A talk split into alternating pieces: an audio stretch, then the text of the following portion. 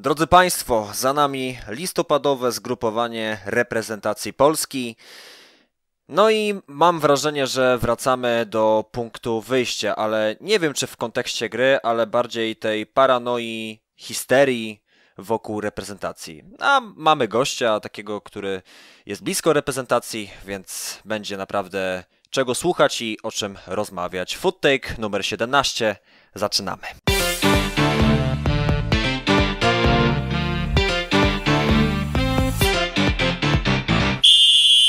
No i od tego gościa zaczniemy. Łukasz Ciona, Cioną po oczach. Witamy Ciebie.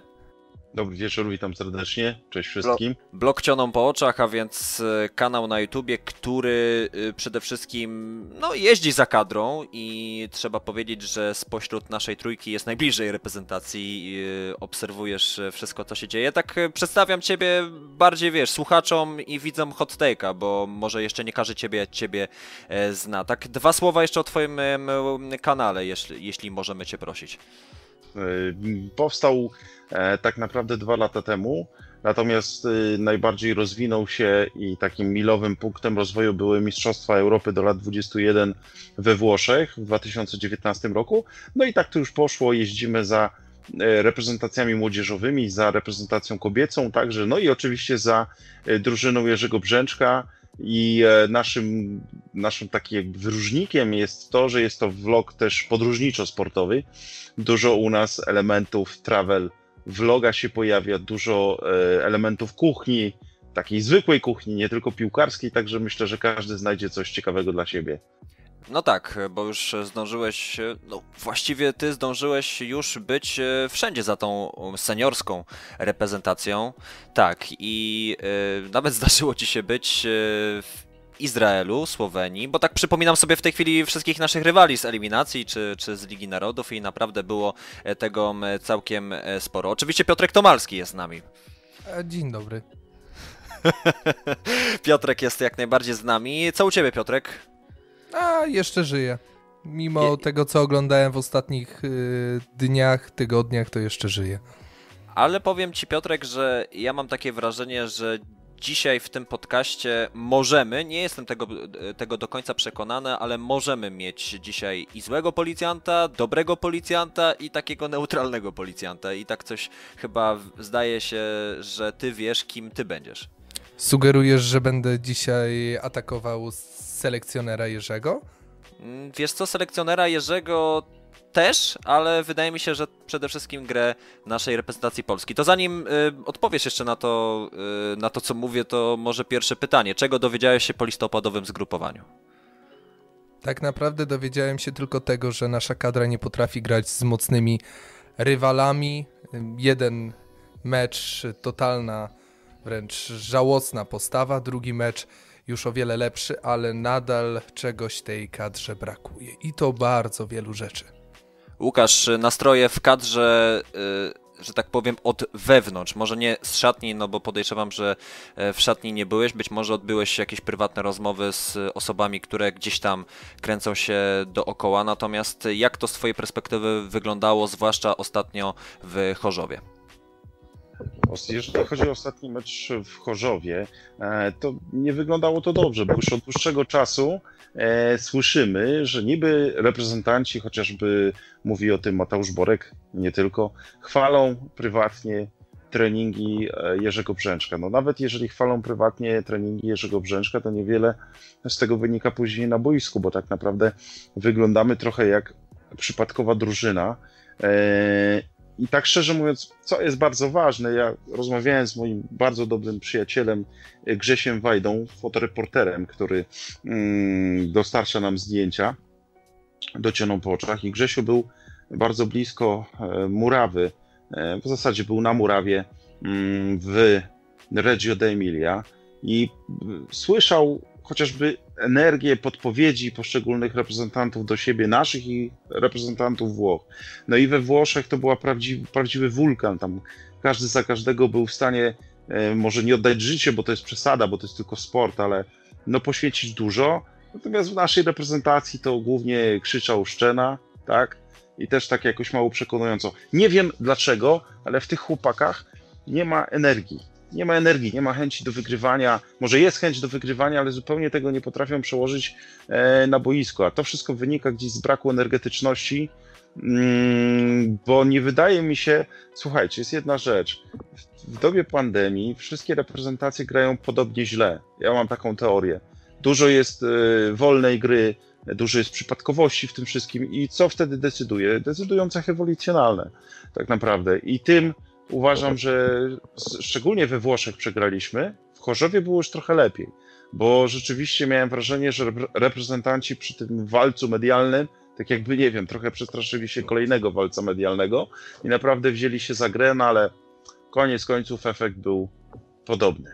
Ja mam wrażenie, Łukasz, w ogóle, że w odniesieniu, w odniesieniu w ogóle do tego, co mówisz, że y, w naszych reprezentantach jest jakieś niewiarygodne ciśnienie i to też jest potwierdzone przez y, ludzi, którzy kręcą się wokół reprezentacji, mają prywatne kontakty z zawodnikami czy z trenerami, że y, no, ci zawodnicy, ci trenerzy też są aktywni, bym powiedział, w mediach społecznościowych, też czytają gazety, też się tym wszystkim interesują, czytają na swój temat i oni mają w sobie ogromne pokłady negacji i dobrze, że po powiedziałeś o Włochach, dobrze, że, powie, y, przynajmniej może, że ja powiem o Hiszpanii w, z ostatniego zwłaszcza spotkania z Niemcami, najwyższej porażki Niemców od blisko 100 lat albo około 90, teraz nie pamiętam. W każdym razie sprawa jest taka, że ja miałem wrażenie bardzo podobne co do Hiszpanów, że oni grali swój mecz nie tyle życia, ale mecz, w którym drużyna sta stanowiła całość. Niekoniecznie tak to wyglądało z perspektywy Niemiec. Zgadza się. Generalnie rzecz ujmując, ja miałem w ogóle wrażenie, wracając jeszcze do naszej reprezentacji, że ta grupa się po prostu też trochę nie lubi. Najzwyczajniej w świecie e, nie ma tam wielkiej jakiejś takiej chęci przebywania razem. I to mi się potwierdza, że owszem, w każdej drużynie jest wiele podgrupek, natomiast no, ja obserwuję te reprezentacje z bliska. Obserwowałem też reprezentację młodzieżową, w jaki sposób tam była pozytywna energia u trenera Czesława Michniewicza. W pierwszej reprezentacji tego w ogóle nie widać. Owszem, są te heheszki robione są te heheszki robione na potrzeby y, portalu Łączy Nas Piłka, chociaż niektórzy za, żartują, że to jest Męczy Nas Piłka. Y, natomiast y, to się w ogóle nie przekłada na, na postawę boiskową. Także ja jestem naprawdę zafrasowany, to po pierwsze. Po drugie, jedziemy znów na bardzo ważną imprezę, która gdzieś okresowo pozycjonuje i samopoczucie polskiego kibica, odniesienie młodych chłopaków, dziewczynek, które zaczynają dopiero oglądać piłkę. I my znów podejrzewam, na teraz, tak mogę powiedzieć, zagramy taką padakę jak w Rosji, albo taką padakę jak w Korei, w Japonii, albo taką padakę jak na Euro 2008. No, wszystko na to wskazuje.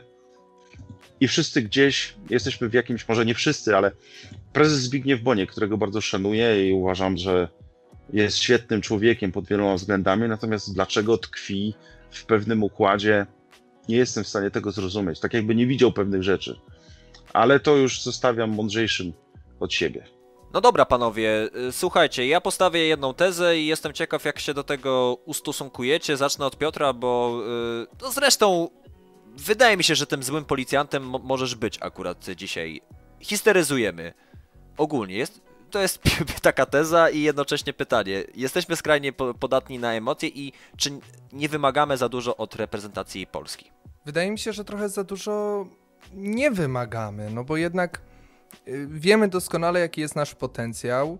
Mamy kilku e, światowej klasy zawodników, bo jest to i Szczęsny, jest to i Lewandowski. Mamy kilku zawodników, którzy coraz lepiej odnajdują się w ligach zagranicznych.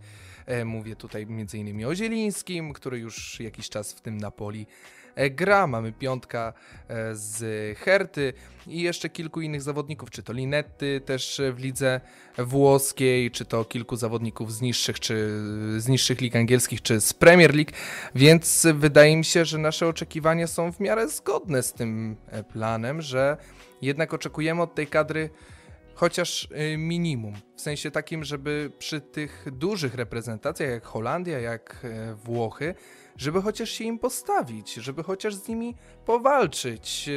nie oczekujemy zapewne zwycięstwa, no bo wiemy jaki jest poziom czy Holandii, czy Włoch, ale oczekujemy chociaż walki, a tej walki, no w nie wszystkich meczach otrzymaliśmy i te nasze wymagania są, wydaje mi się, że takie w miarę racjonalne, a to co otrzymujemy, no to, to już jest zupełnie inna kwestia.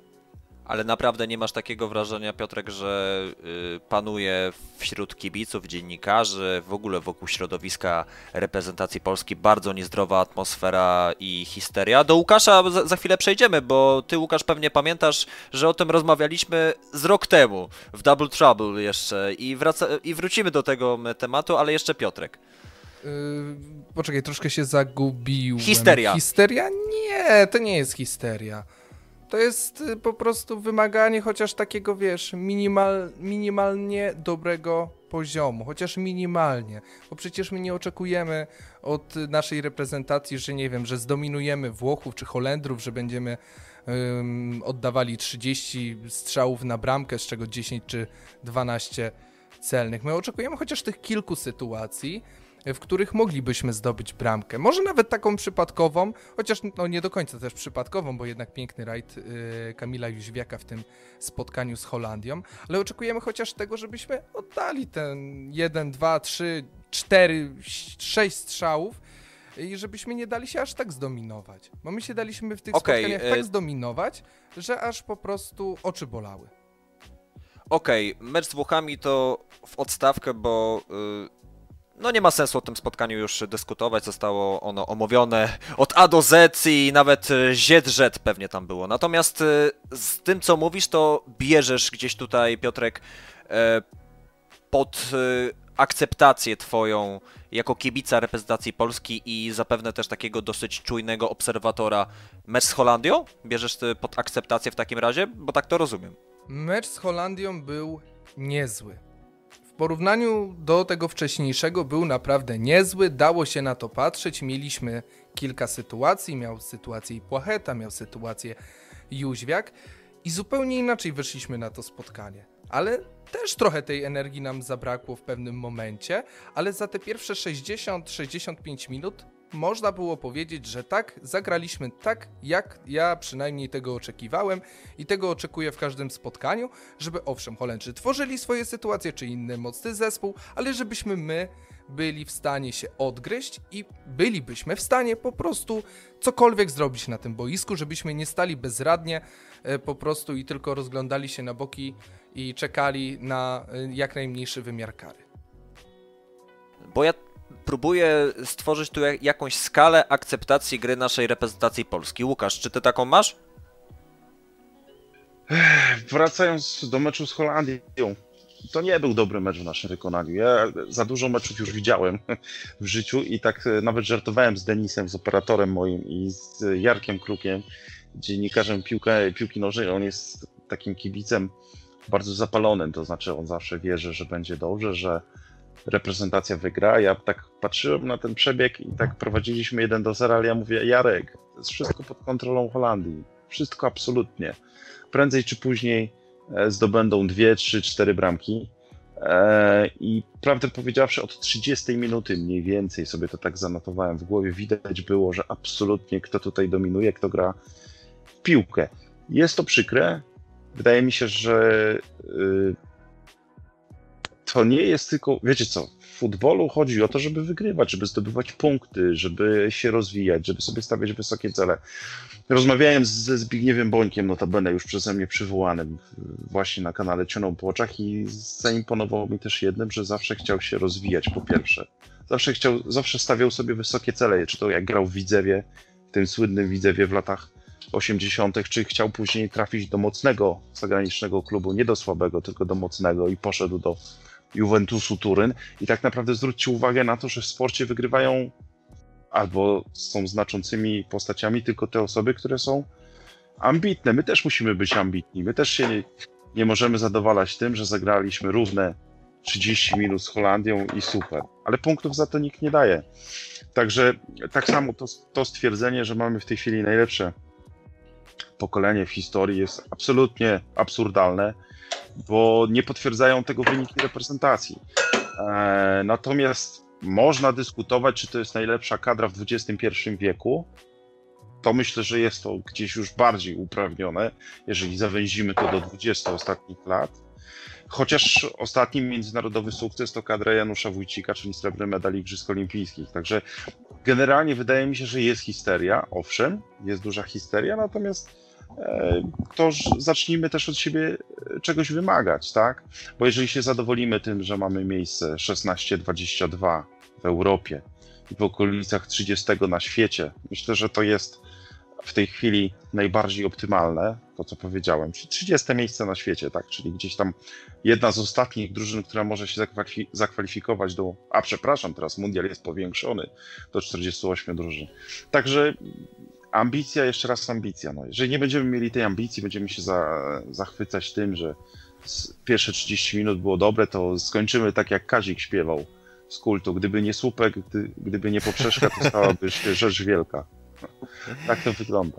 A Łukasz e, Wiśniowski e, z Food Trucka powiedział dość ciekawą rzecz podczas jednego ze swoich e, live'ów właśnie na, na tym kanale, że według jego informacji bądź jego zdaniem, i to jakby tutaj jest dosyć kluczowe i nie pamiętam jakby w jakby skąd to, to, wie, ale podejrzewam, że też według swoich informacji w reprezentacji obecnie istnieją dwa obozy i to są dwa obozy, które różnią się pod e, względem mentalnym. Jedni są bardziej pokorni wobec rywali i uważają się po prostu za słabszych, i zdają sobie z tego całkowicie sprawę, co wpływa później na ich grę i tutaj myślę yy, śmiało można by zaliczyć Kamila Glika, nie odejmując mu cech mentalnych i wolicjonalnych, bo to jest, no, no Kamil Glik, umówmy się, no jakby szacunek pełny. Natomiast z drugiej strony mamy mniej pokornych wobec rywali i którzy chcą grać e, przeciwko tym mocniejszym, grać swoje, mówiąc e, wprost. I Twoim zdaniem, Łukasz, e, czy jest takie zjawisko wokół reprezentacji w tej reprezentacji? Nie, wydaje mi się, że to tak to jest za dużo powiedziane. Kamil Glik to jest absolutny heros, to jest wojownik. Akurat do niego, szczerze powiedziawszy, najmniejsze pretensje w ogóle kiedykolwiek miałem dlatego że on ratuje. Gdyby nie Glik, naprawdę uwierzcie mi, z trybun to zawsze to wygląda podobnie, że gdyby nie Glikson, to tych bramek byśmy stracili razy dwa z, tych, e, z tymi naprawdę mocnymi rywalami, bo co chwilę błędy popełnia Janek Bednarek i co chwilę musi go ratować właśnie Kamil. Albo boki nie nadążają, albo Reca nie nadąży. Także no naprawdę, gdyby nie Glikson, to by po prostu to, to by aż dupa bolała o, po ilości straconych bramek. Także nie, nie, zupełnie się z tym nie zgadzam. Bardziej chodziło mi o to, że popatrzcie, nawet rozmawiałem o tym z prezesem Bońkiem na temat Płachety. Przemek Płacheta to jest bardzo utalentowany piłkarz, znam go dobrze, fantastyczny chłopak, trochę nieśmiały, ale generalnie rozwijający się mocno. No i nie widać I on, tego na boisku. I on idzie do Norwich. On idzie do Norwich do klubu, którego ja nigdy nie widziałem na żywo. Znaczy na żywo, ja nigdy nie widziałem meczu Norwich, poza jakimiś tam skrótami. Wydaje mi się, że właśnie to jest brak umiejętności prowadzenia swojej kariery, bo mm, tak samo teraz Kuba Moder zachwycamy się, że idzie do Brighton. No to nie są kluby, które w moim przekonaniu y, są y, takimi krokami milowymi y, danych karier.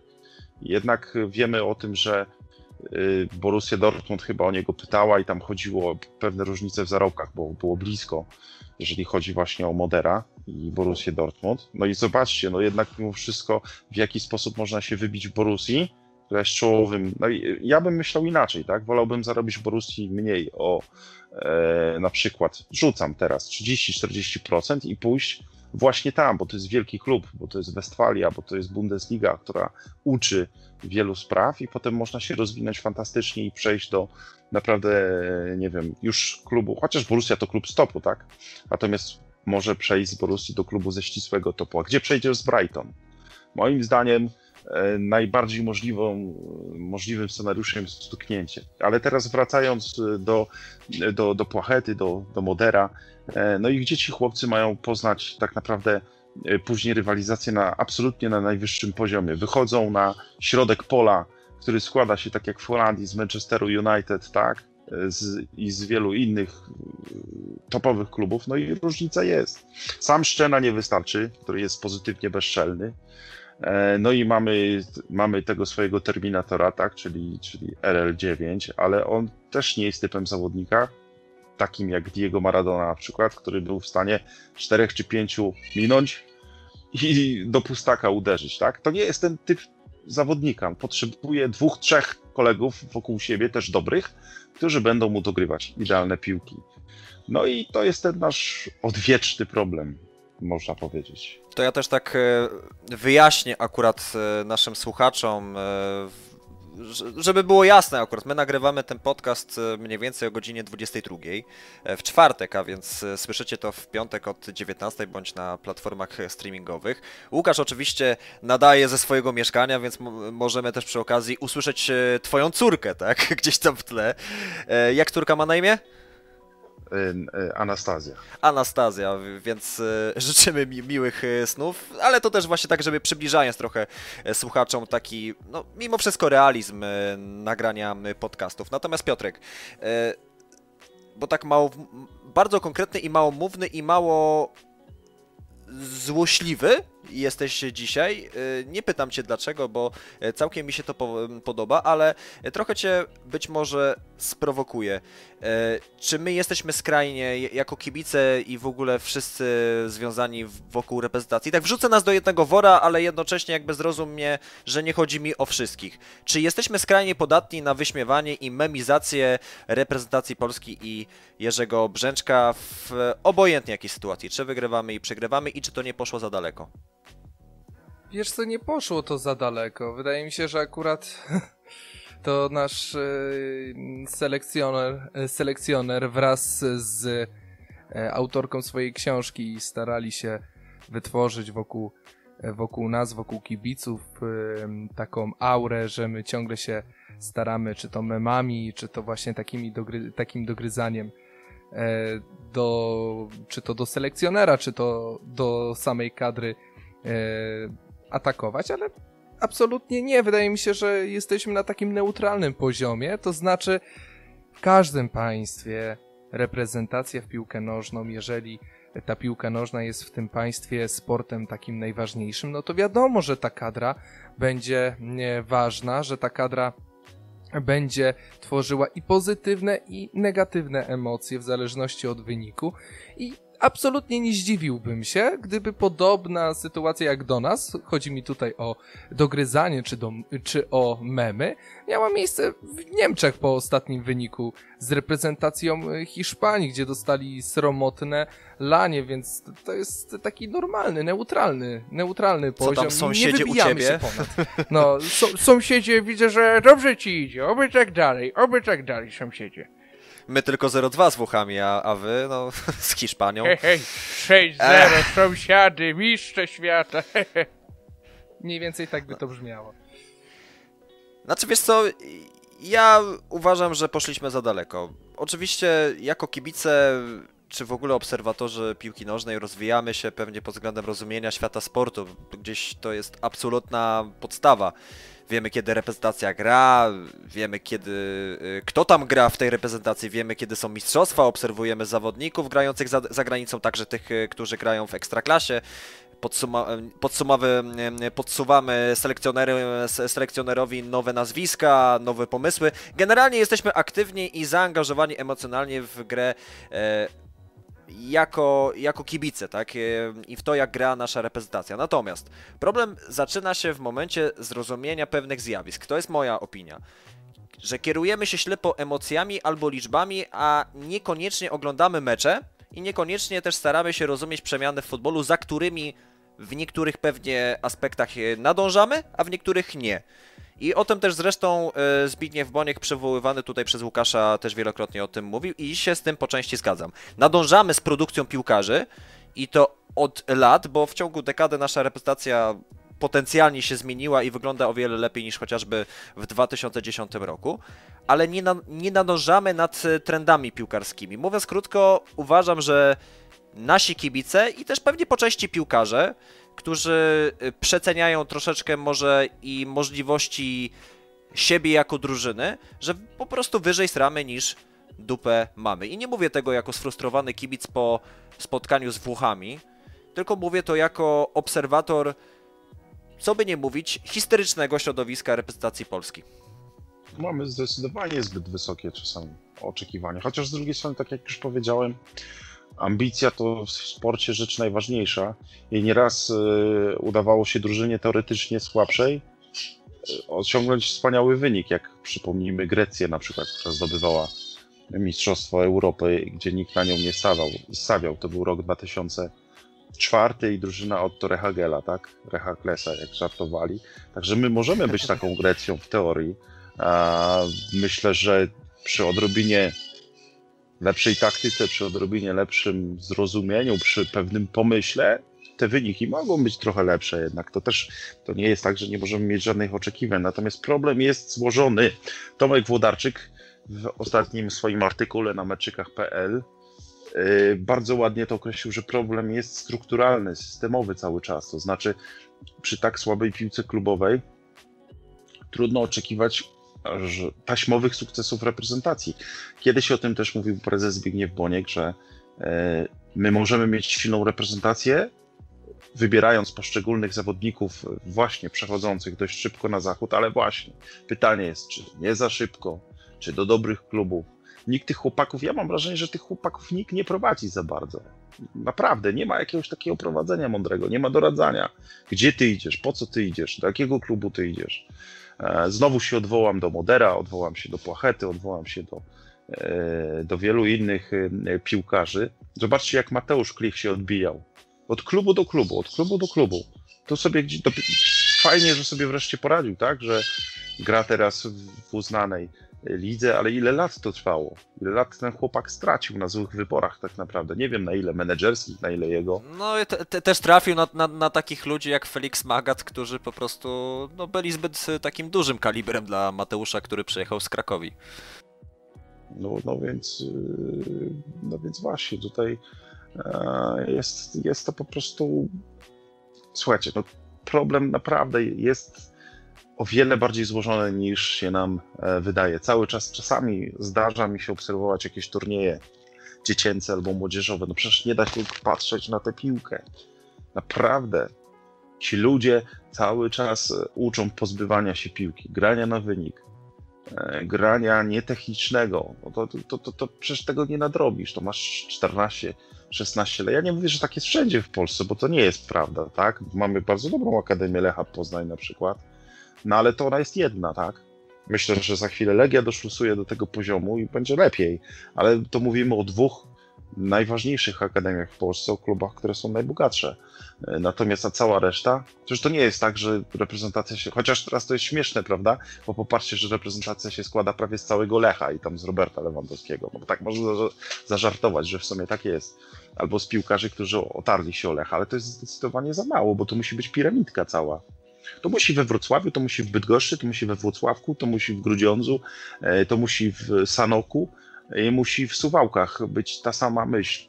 Czyli zobaczcie, Holendrzy, tak? Właśnie, wspaniała gra. Obojętnie kto tam gra w Holandii, to potrafią zagrać szybko, na jeden, dwa kontakty, nie pozbywają się idiotycznie piłki, wiedzą jak stać, wiedzą jak przesuwać. No wiem, że to są nieby komunały, ale my tego nie potrafimy. My tego najzwyczajniej w świecie nie potrafimy. To o Technika użytkowa, gra, gra, na dwa kontakty, rozumienie się w poszczególnych formacjach, przesuwanie formacji w sposób dynamiczny. To, to... Ja mam wrażenie, Łukasz i też Piotrek e, podłączy się pod dyskusję, no, no to, to jest elementarna sprawa, z którą my się właściwie mówiąc brzydko pieprzymy od, e, od lat, tak? Od kiedy, od kiedy ja oglądam reprezentację. Ale Krystian i Piotrek, patrzcie na to, wszyscy o tym mówimy, tak? Wszyscy o tym mówimy. Od wielu, wielu lat, tak? I mówi o tym, nie wiem, trener Engel, mówi o tym Zbigniew Boniek, że ma, mieliśmy mieć narodowy model gry, były AMO, LAMO, mnóstwo różnych procesów, pomysłów. Ja tylko przypomnę, że też ta ekipa obecnie rządząca w związku, w związku jest już 8 lat. 8 lat i naszymi, y, i nie ma sukcesów reprezentacyjnych, bo dla mnie ćwierćfinał, y, który, słuchajcie, kiedyś ćwierćfinał to, to się zaczynały Mistrzostwa Europy prawie, że. Także to ja wiem, że my teraz się odwołujemy do nawałki, ale ja mam, ja jako, może, jako człowiek interesujący się historią naszej piłki reprezentacyjnej, no to ja jako sukces mówię półfinał Mistrzostw Świata, albo na przykład y, jakaś porywająca gra, no drużyna nawałki nie grała porywająco. No, myśmy fartem pokonali Szwajcarię, potem żeśmy spuchli od y, którejś minuty, już teraz nie pamiętam, z Portugalią i było modlenie się i żeby tylko ten Cristiano nie trafił. No taka jest prawda, że myśmy tam dobrej piłki jakoś tam super nie grali. Aha, i był jeszcze wymęczony remis z Niemcami i wygrana z Irlandią Północną. Także naprawdę musimy troszeczkę studzić głowy, a, a jeszcze fajnie zagadnąłeś, Krystian, a propos tej memizacji, tak? I a propos tych żartów, słuchajcie, no z każdego selekcjonera żartowano, z każdego. Od Jacka Gmocha przez Kazimierza Górskiego po, yy, po nie wiem, Antoniego Piechniczka, po Janusza Wójcika i, i tak dalej. Z niego tak dalej. to szczególnie. No tak, i, ale słuchajcie, każdy trener się zmaga z presją. I teraz pytanie, jak z niej wychodzi.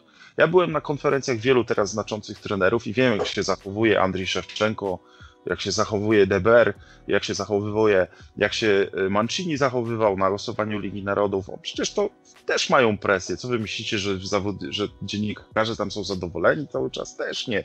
Rypają ich, rypią ich równo, ale oni jakoś z tą presją potrafią bardziej sobie radzić. Ja zapytałem na przykład Jerzego Brzęczka na, na konferencji prasowej, takiej dziwnej online właśnie w, w Reggio Emilia, zapytałem się, czy właśnie zwycięstwo z Włochami może być takim mitem założycielskim tej drużyny, może być takim meczem, od którego może się ta kadra odbić, bo tak myślałem, były dobre nastroje przed tym meczem generalnie, była trochę wiary, że będziemy w stanie postawić się tym Włochom. Eee, znaczy, a trener odpowiedział mi tak jakby atakiem, czyli a co pan myśli, że my potrzebujemy jakiegoś meczu założycielskiego?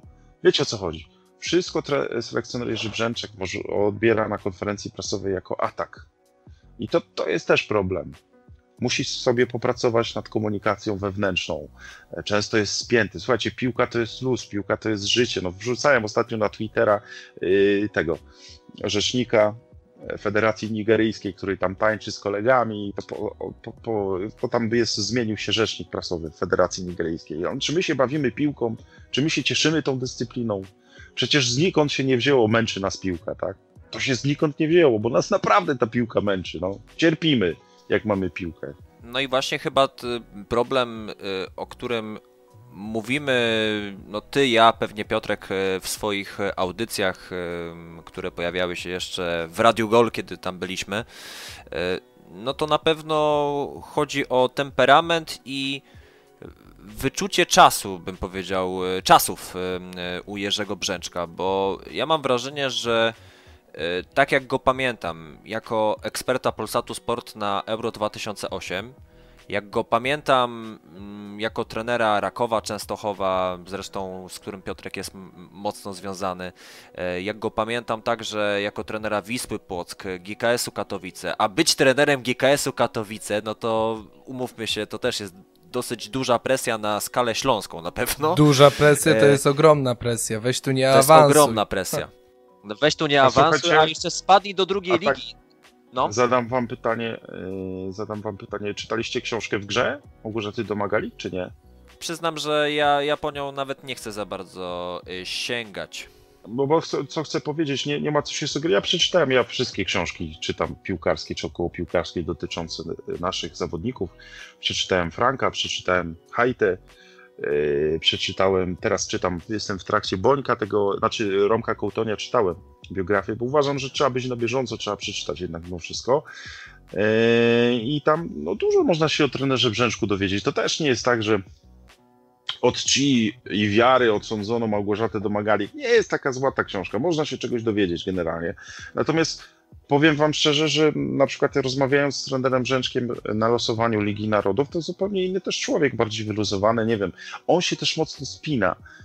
Nad nim ktoś by musiał popracować od strony takiej PR-owskiej, bo to się da zrobić. To się da zrobić. Po prostu przecież no patrzcie nawet e, jak się zachowuje, jak fajnie gra z mediami właśnie prezes Boniek, tak? Troszeczkę tego luzu by się przydało e, właśnie trenerowi Brzęczkowi, on też by był inaczej odbierany. Nie wiem, czy ktoś mu jest w stanie to pod, podpowiedzieć, czy, Tym Czy- bardziej, że właśnie Boniek potrafi sprowadzić piłkę nożną do rozrywki. I on, I jest, on jest- fajne. on, on jest tego nauczony, znaczy pewnie trochę z Polski, ale przede wszystkim właśnie, Właśnie z Serie A, A.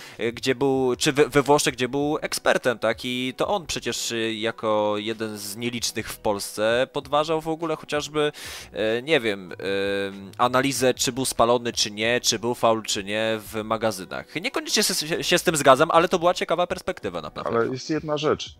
Przecież piłka musi cieszyć, tak? Piłka to jest rozrywka, to jest zabawa. Na poważnie oczywiście, ale to jest. To musisz się cieszyć idąc na mecz. E, oglądając w telewizji, coś przeżyć. Co my przeżyli? Znaczy, my trochę, ja trochę przeżyłem, bo ja widziałem sukces jeszcze, miałem kilka latek, ale widziałem sukces e, w, w Barcelonie, tak? E, Janusza Wójcika i w sumie e, odsądzany od czci i wiary wójt zrobił sukces i w jednym z ostatnich wywiadów powiedział, że 25 lat się nikt nie zbliży do. Jeszcze, a to chyba on to mówił tuż przed śmiercią, nie pamiętam. Wcześniej, był rok. 2013 u Mirosławskiego bodajże właśnie Tak, wywiadu. to 25 mówił, lat czy 20 lat się nikt nie zbliży do tego sukcesu, wszyscy się z tego śmiali i co? I mija ile? 7 lat od tego wywiadu już? Także generalnie yy, co te dzieciaki mają przeżyć teraz, że co? Które dopiero wchodzą w oglądanie piłki. W ogóle nie wiem, czy też macie takie wrażenie, że zainteresowanie piłką spada w ogóle. Mam takie wrażenie, że przez cały ten COVID, przez to, że nie ma kibiców, przez to, że poziom tych meczów jest słabiutki tak naprawdę, to trochę się nie chce tego oglądać. Ja w ogóle taki przesyt u siebie e, obserwuję. Pamiętam jak z Krystianem chociażby y, komentowaliśmy Mundial w Rosji na antenie Radia Gold, to było coś wspaniałego te mecze y, komentować, y, patrząc na Urugwaj na przykład i poziom w ogóle tych mistrzostw był dobry, chociaż już wtedy był coś tam krytykowany. No to teraz sobie obejrzyjcie te mecze. No przecież to, to jest nie do oglądania. Naprawdę. Tak, jeżeli Zresztą odnosi się to do ostatnich słów Taniego Krosa, który e, jawnie i bez żadnych skrupułów mówił o tym, że piłkarze są marionetkami, ale to też jakby można odnieść Się do wszystkich e, sportowców, bo wiesz, bo koszykarze też, a, wiesz, Marcin Go- Gortat skończył karierę już wiadomo koszykarską, ale on też e, jakoś nie za bardzo się patyczkuje, mówiąc o tym, że kiedy go tradowano z jednego zespołu do drugiego w NBA, no to poczuł się jak marionetka, tak, ale takie są zasady tego wszystkiego.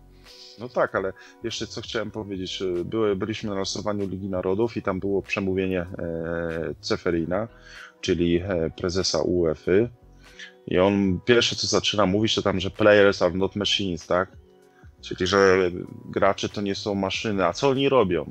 No co oni robią w tej UEFA? Rozbudowują do przesadnych rozmiarów wszystkie terminarze. Weźmy to też pod uwagę, że wszystkie reprezentacje mają problem. E, no co się dzieje z Niemcami? To jest niewyobrażalne. Co się stało z Rosją, Rosją ostatnio, tak? tak? Porażka Właśnie, 0 do słuchajcie, 5 z Serbią.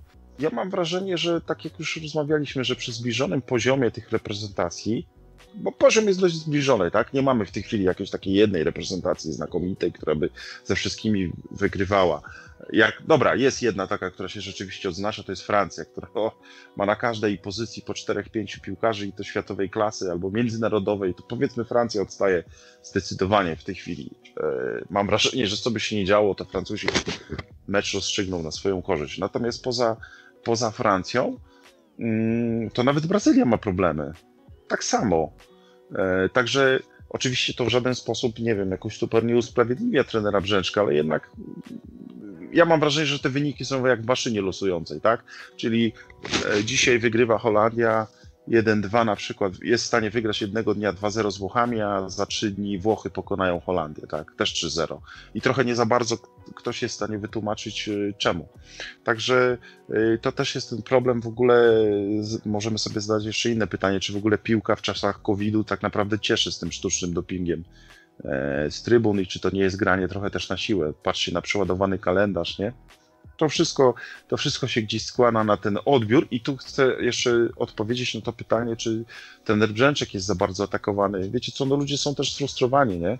Wydaje mi się, że to też ma swoje, swoje, swoją przyczynę. Siedzą w domach i tam nawalają tymi memami, innymi rzeczami, nie? Ktokolwiek by nie był, by dostawał po dupie teraz. To jest inna strona medalu. Znaczy wiesz co, ja- y, zanim Piotrek y, oddam Ci głos, to tylko powiem na pewnym przykładzie. Dzisiaj albo wczoraj y, pojawiła się informacja, że Kamil Grosicki zagrał 80 mecz w reprezentacji. No i trochę też w odniesieniu do tych dzieci, o których też Łukasz napomknął, bo to jest uważam też bardzo istotne w kontekście rozwoju naszej piłki w ogóle w sposób, w sposób globalny. Jeżeli pojawiają się jakieś komentarze nawołujące do zakończenia kariery reprezentacyjnej przez Grosika, podsumowanie jego występów mówiąc o tym, że jedna czwarta jego, czy nie wiem, jedna ósma jego występów w kadrze e, była dobra, no to ja mam ochotę takiemu powiedzieć, e, no trochę szacunku ty mentalny dnie, no bo generalnie to no z, z, z, takim czymś to ani nie, nie zachęcasz e, dzieci do tego, żeby w ogóle grały w piłkę, bo one widzą, co się dzieje w internecie. Same pe pewnie też e, uczestniczą w tym dosyć, e, bym powiedział, zaangażowanie. No i pewnie e, poniekąd psują sobie, zakrzywiają sobie tę rzeczywistość, jaka może wyglądać w piłce nożnej, czy w ogóle w e, sporcie. A po drugie, no podważamy Kamila, który, no mówmy się, ale jest, jest legendą naszej reprezentacji i ja się nie boję tego powiedzieć. Piotrek. Mam takie wrażenie, że ja jestem dzisiaj ten najgrzeczniejszy przy was, bo tutaj o jakichś mentalnych dnach, tu coś, no jestem w szoku, ja że mówiłem, to ja, ja mówiłem tak do, do, do, najgorszego kibica w Polsce, po prostu takiego stereotypowego.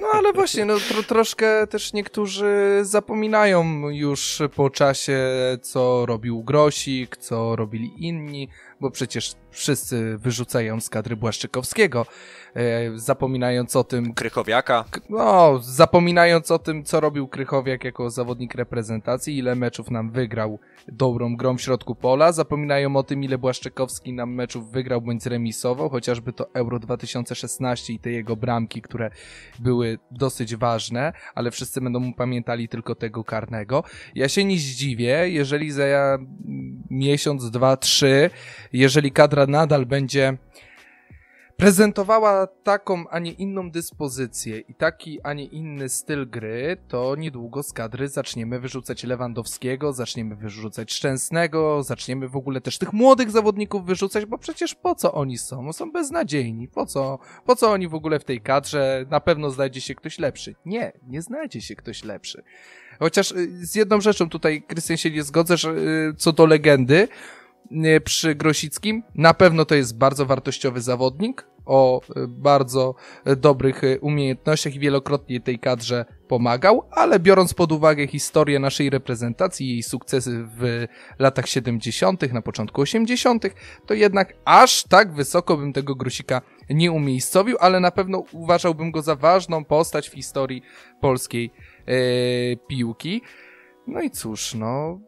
Powinniśmy ja trochę. W troszkę... kontekście Grosika powiem ci Piotrek, że ja uważam Grosika jako legendę z dwóch względów. Po pierwsze, jeżeli chodzi o występy w reprezentacji i uważam, że no, znaczy, no to trzeba byłoby przeanalizować, ale wydaje mi się, że, że jego bilans był całkiem, całkiem ok, ale przede wszystkim będzie legendą dlatego, że y, w następnym pokoleniu mam nadzieję, że będę miał szczęśliwe, zdrowe dzieci, tak jak mam nadzieję, że Łukasz ma teraz y, Anastazję, ponieważ y, być może Łukasz będzie opowiadał za kilka lat bądź za kilkanaście Anastazji, czy ja swoim dzieciom, czy ty swoim dzieciom, Piotrek, że w kadrze był taki Kamil Grosicki. I powiem wam, drogie dzieci, że no, na skrzydle czasami nie można było go, do, e, go dogonić. Zagrał fantastyczne, może nie fantastyczne, ale bardzo dobre Euro 2016.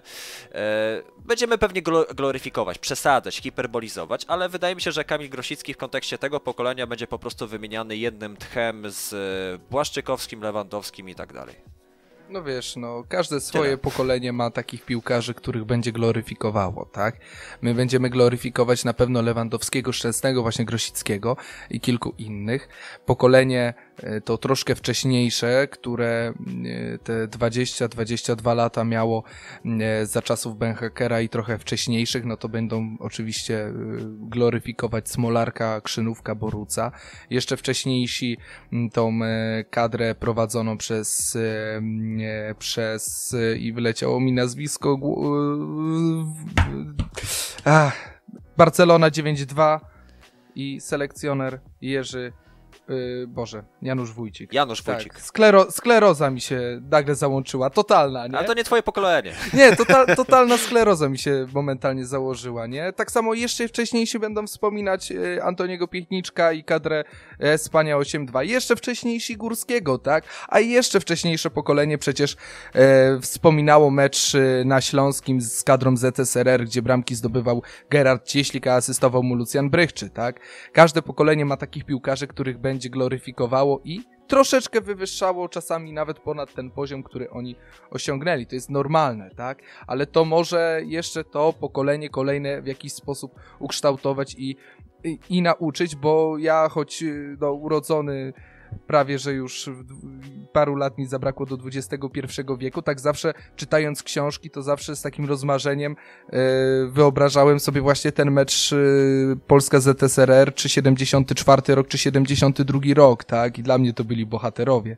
A w końcu też nadszedł ten moment yy, naszej kadry narodowej, która też, choć owszem, nie, nie możemy uważać jako fantastyczny sukces to euro, to jednak jakiś, chociaż ten minimalny y, zaczątek, chociaż ta minimalna iskierka nadziei była podczas tego euro, że owszem, możemy grać i najbardziej, najbardziej toporny, najbardziej defensywny futbol, ale jednak jest to jakiś pomysł, który cokolwiek może nam dać E, w przyszłości może nam dać awans do kolejnej rundy, może nam też zaserwować kolejny dobry turniej, co się ostatecznie nie stało, ale była chociaż ta iskierka nadziei.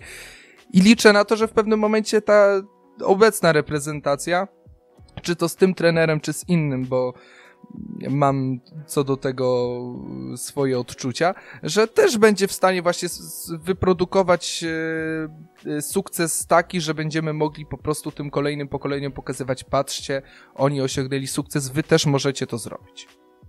I teraz bardzo dobrze, Piotrek, że e, przeszedłeś do tematu takiego najbardziej gorącego i najbardziej dyskutowanego.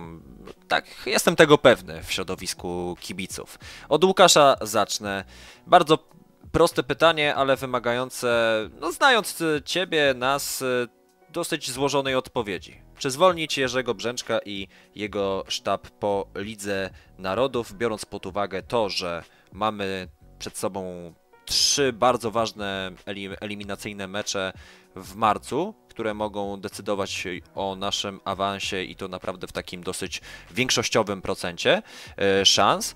No i oczywiście biorąc pod uwagę Mistrzostwa Europy. Łukaszu, prosimy. Jeżeli pytasz mnie, czy bym zwolnił trenera Brzęczka, to pytanie jest złożone, ale wydaje mi się, że bym spróbował. Znaczy, ja nie widzę pomysłu, nie widzę progresu. E, tak naprawdę bardzo mądrze powiedział Mateusz Borek e, i tym, i, i tym się też podeprę, mówiąc, że my już powinniśmy być gotowi tak naprawdę euro już było. E, a my cały czas próbujemy coś budować. Próbujemy czegoś szukać. E, czegoś, czego tak naprawdę nie ma. Także spróbowałbym tak naprawdę, co my, co my tak naprawdę ryzykujemy. Mamy grupę śmierci, mamy drużyny, które są od nas mocniejsze, zarówno Szwecja jako zespół. Podobnie, nie mówiąc już o Hiszpanii, bo to jest absolutna galaktyka tej chwili mówienie, że tam nie gra teraz Czawi, czy Iniesta, czy ktokolwiek inny, a teraz y, tam, nie wiem, gra Torres młody i tak dalej, i tak dalej. Przecież oni mają na, też na każdej pozycji po trzech, czterech piłkarzy. Ja uważam, powiem Ci Łukasz, że Hiszpania to obecnie jedna w mojej opinii, i to nawet sobie zapisałem specjalnie, z trzech reprezentacji, które najlepiej przechodzą proces budowy kadry na Mistrzostwa Europy Właśnie. i Mistrzostwa Świata w Katarze. I teraz, i teraz y, Szwedzi, którzy jako zespół są niezwykle mocni i oczywiście niedoceniana Słowacja, która oczywiście wszyscy powiedzą, że a kogo oni tam mają, tak, starego Hamsika czy, czy tam Kuczkę, ale mają właśnie Kuczka, Hamsik, Duda. W czym oni są gorsi od naszych najlepszych piłkarzy? W niczym. Także generalnie pamiętajmy o tym, że mamy grupę śmierci, i to tam nie ma Irlandii Północnej, nie ma też Ukrainy, tam są znacznie mocniejsze zespoły. W tej Ukrainy mam tu na myśli z 2016 roku, bo ta obecna Ukraina też jest mocna tak naprawdę i pamiętajmy, że wygraliśmy z Ukrainą mocno przeszczepioną przez COVID, co też tam chyba nie było pięciu czy sześciu podstawowych piłkarzy i zagrał Łunin, który nigdy nie gra na bramce. w Ukrainie, także to też ma swoje znaczenie. Poszukałbym kogoś innego, jeżeli mnie o to pytasz i myślę, że jest kilku e, trenerów w Polsce, którzy by spróbowali e, tego zadania, te, te, tego zadania się podjąć. Michał Probierz, Czesław Michniewicz. Nawet bym spróbował odkurzyć kogoś z tak zwanego starszego pokolenia. E, dlaczego nie? Tylko odważni jakby coś zyskują, ja nie widzę. Tak jak byłem obrońcą trenera Jerzego Brzęczka przez wiele, wiele miesięcy, broniłem go dość mocno, nawet byłem wśród niewielu, którzy, którzy, którzy bronią właśnie trenera Jerzego Brzęczka. Natomiast y, w tej chwili w tej chwili nie, nie należy do tych obrońców, także e, a dlaczego nie, wiecie, skreślamy też starszych trenerów. Ja napisałem to na Twitterze, że dlaczego nie Hus Healing. Kasa PZPN-u jest duża, E, w niczym to ani by nie zaszkodziło, a wyjście z grupy moim zdaniem też nam nie grozi. Piotrze, to samo pytanie i w zasadzie twoja scena teraz. Powiem tak. Serc, serce mówi mi e, zdecydowanie słowami Jana Tomaszewskiego. Jego nie, nie można zwolnić, jego trzeba wypierdolić dyscyplinarnie. Tak mówi moje serce. A rozum mówi, czy to jest odpowiedni moment? Odpowiedni moment był trochę wcześniej. Był moment odpowiedni przed meczami Ligi Narodów, przed tymi meczami towarzyskimi, aby dać możliwość nowemu selekcjonerowi dostosowania swojej myśli do tej kadry. Bo jeżeli zwolnimy przykładowo Jerzego Brzęczka w tym tygodniu, w przyszłym czy za dwa tygodnie, kadra i tak spotka się w marcu podczas najbliższego zgrupowania, podczas meczów eliminacyjnych do Mistrzostw Świata. No i cóż zrobi ten nowy trener? Nie będzie w stanie wprowadzić zbyt dużo swojej filozofii, zbyt dużo swojej myśli taktycznej. Może będzie w stanie zmienić ustawienie, może będzie stanie, w stanie zmienić troszeczkę personalia, ale przypomnijmy sobie poprzednich selekcjonerów, jak wyglądało pierwsze zgrupowanie. Pierwsze zgrupowanie wyglądało zwykle tak, że owy trener brał swoich zawodników, tych, których on sobie wymyślił już w głowie przez ten miesiąc, dwa czy trzy i ich testował i sprawdzał, czy oni się do czegokolwiek nadają. My już nie mamy w tej chwili czasu na testy. My mieliśmy ten czas na testy między wrześniem a listopadem.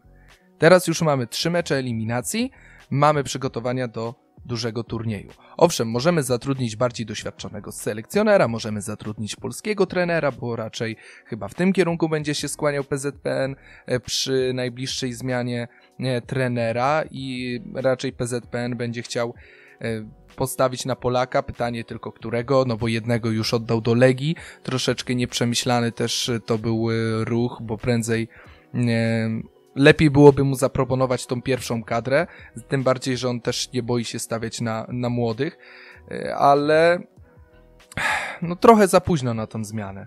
Tym bardziej, że też ta zmiana nie nastąpi z drugiego powodu, jakim jest Zbigniew Boniek.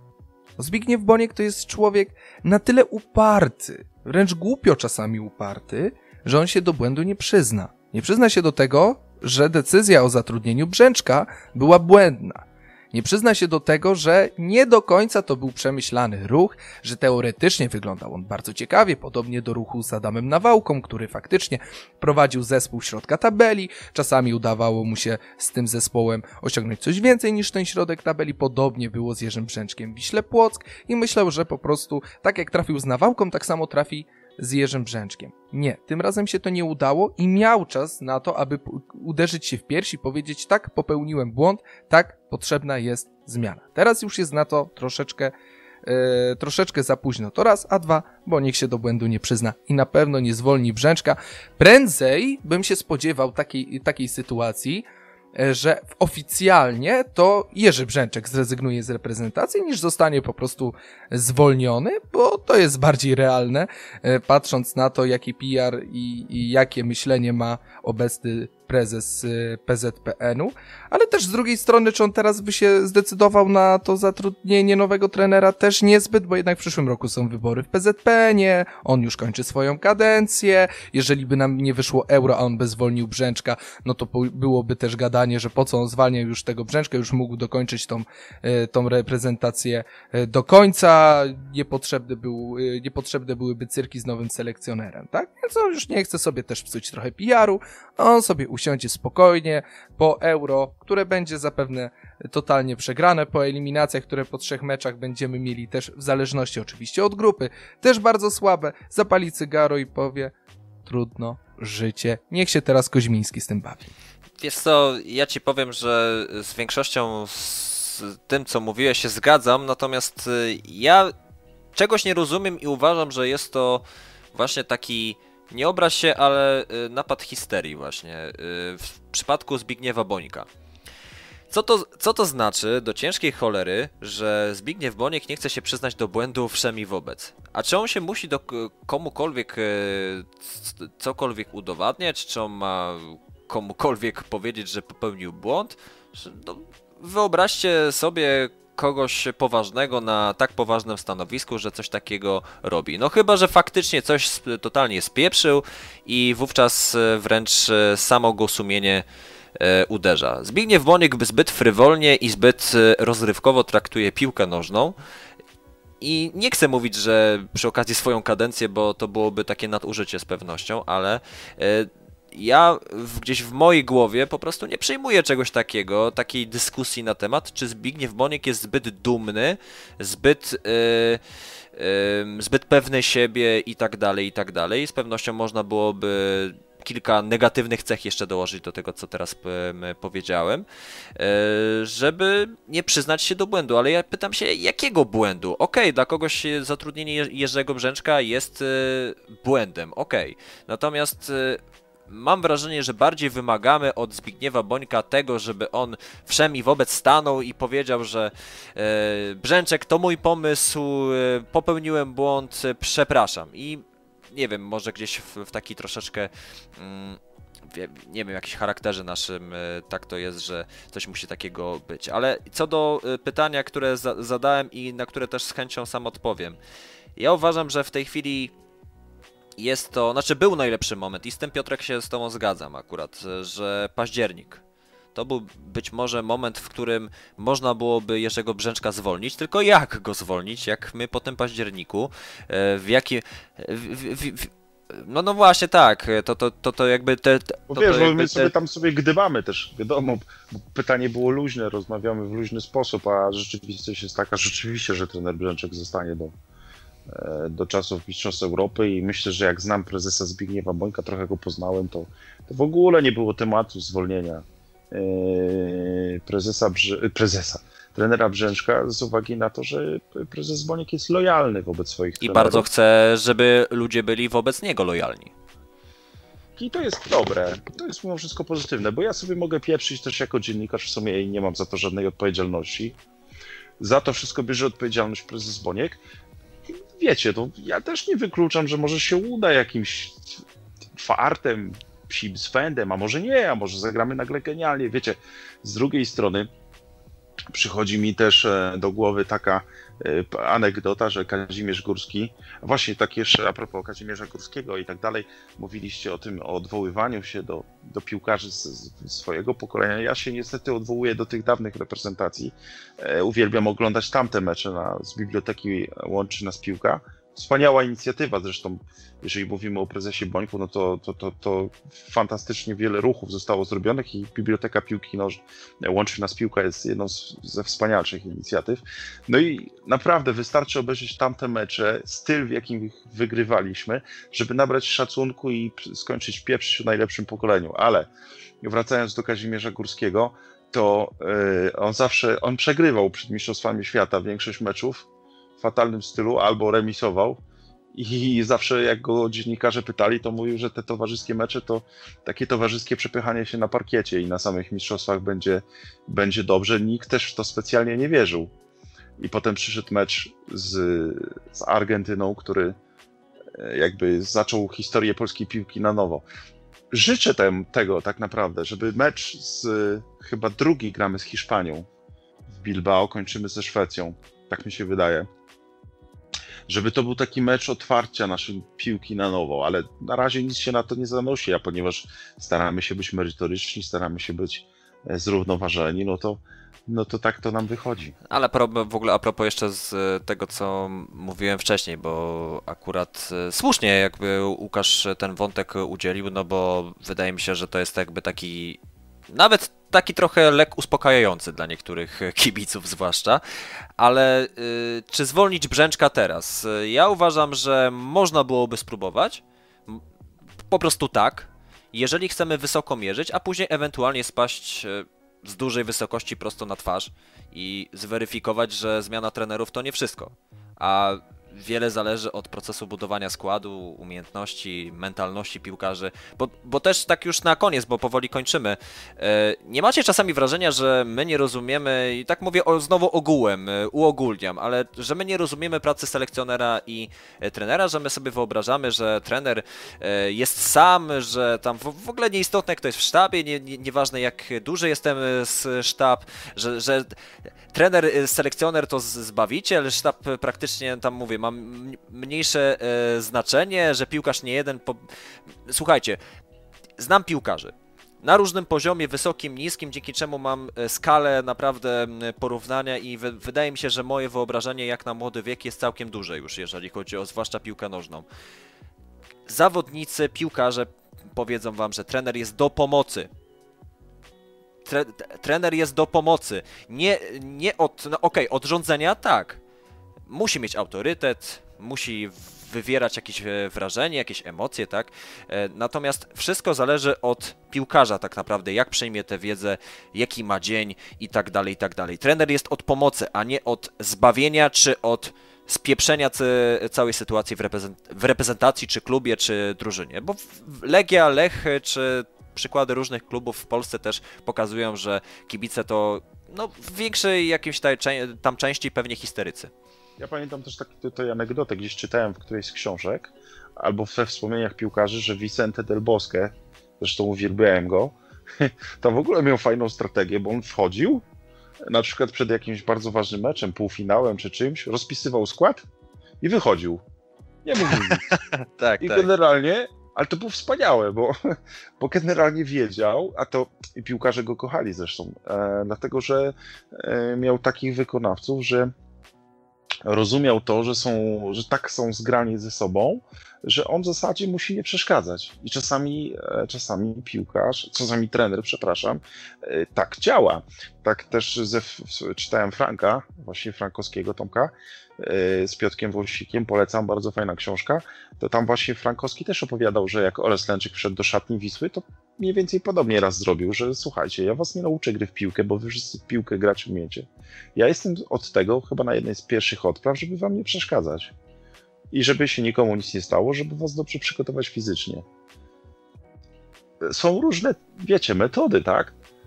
To trenerzy bardzo różnie się zachowują, tylko zależy jakich masz wykonawców. No bo też wiesz, wraca czasami taka dyskusja, z pewnością o tym słyszeliście, że yy, wchodzi Jerzy Brzęczek do szatni i wokół niego są zawodnicy, których trenowali Guardiola, Klopp yy, i co z tego? To są, to, są, to są profesjonaliści. To są ludzie, którzy chcą wspólnego sukcesu. Oni, oni tam nie są od, od tego. Okej, okay, każdy ma swoje ego i to jakby niezaprzeczalnie, tak? Lewandowski czasami przesadza, Krychowiak też coś palnie, czasami jesteśmy ludźmi. Natomiast sprawa jest taka, że e, czy naprawdę mamy tak płaską wyobraźnię, że wyobrażamy sobie wyśmiewających, załóżmy wewnętrznie albo w jakichś grupkach piłkarzy Jerzego Brzęczka, bo on jest tam, nie wiem, były trenerem Wisły Płock i GKS-u Katowice? No nie ma czegoś takiego. Oczywiście, że nie i nikt tak nie patrzy. Poza tym bardzo mądrze powiedział Kamil Glik, chyba do TVP w setce, że słuchajcie, przecież nikt nie gra przeciwko trenerowi, nikt normalny, no. To też mówił o tym mi prezes Boniek i nie tylko, czy jacyś inni byli piłkarze, że to w ogóle jest bzdura, bo przecież chodzi też o kasę, tak? Oni dostają kasę za wygrane mecze, za yy, w reprezentacji się można pokazać, w reprezentacji są menedżerowie różnego rodzaju, przecież jeżdżą na mecze reprezentacji, oglądają, no co ty, wyobraźcie sobie, że ktoś się nie chce pokazać dobrze na tle Holandii? Przecież to może być mm, super handicap do transferu. Przecież wszyscy jak... skauci na świecie oglądają Holandię, no właśnie, a przy okazji no oglądają nie? No to wyobraźcie sobie, Jóźwiak co, Jóźwiak wychodzi i on się śmieje, że trener Brzęczek czegoś tam nie umie, albo na przykład, przecież tak samo wszystkim zależy, a Grosikowi nie zależy, a, a, a Krychowiakowi tak samo, bo może ma nadzieję, że jeszcze z tego lokomotywu, nie wiem, może przejdzie do jeszcze mocniejszego klubu, ktoś go tam zauważy jeszcze i na koniec kariery zagra na, nie wiem, w Niemczech na przykład, nie? W jakimś mocnym klubie. Na pewno też ma swoje marzenia cały czas. E, także to ja w to w ogóle nie wierzę, że ktoś się z czegoś naśpiewa, to nie ten poziom w ogóle. Tak mi się wydaje, to w ogóle, yy, owszem, są jakieś żarty w szatni, jakaś szydera, no to jest normalne, ale nie, nie na zasadzie takiej, że my teraz przeciwko Brzęczkowi zagramy i przegramy z Holandią. To jest śmieszne, takie myślenie. Jasne. Dziecinne. Dobra, słuchajcie, dziękuję Wam serdecznie za Dzięki. 17 wydanie e, Food Take'a. Bardzo chciałem, myślę, że wy po części też. Ja trochę tak żartowałem oczywiście z tym złym, dobrym, średnio zaawansowanym policjantem. Natomiast e, bardzo dobrze wyszedł ten odcinek Food Take'a, ponieważ e, to jest taki i chłodny prysznic dla, dla nas wszystkich, tak? Żebyśmy się trochę ogarnęli w, w, w kontekście gadania, e, no nawet gadania przy piwie o reprezentacji Polski. Łukasz Ciona, kanał Dziękuję Ciona w oczach. Piotrek Tomalski. Bardzo dziękuję. No i po drugiej stronie oczywiście Krystian Mekka. Dzięki serdeczne, wszystkiego dobrego. Odpocznijcie trochę od e, reprezentacji, ale przede wszystkim odpocznijcie od internetu, telewizji, wyłączcie czasami. Ja wiem, że COVID jest i w domach siedzicie, ale wyłączcie to. Można wychodzić na dwór, do lasu. Od, otrząśnijcie się troszeczkę, drodzy kibice. Pozdrawiam.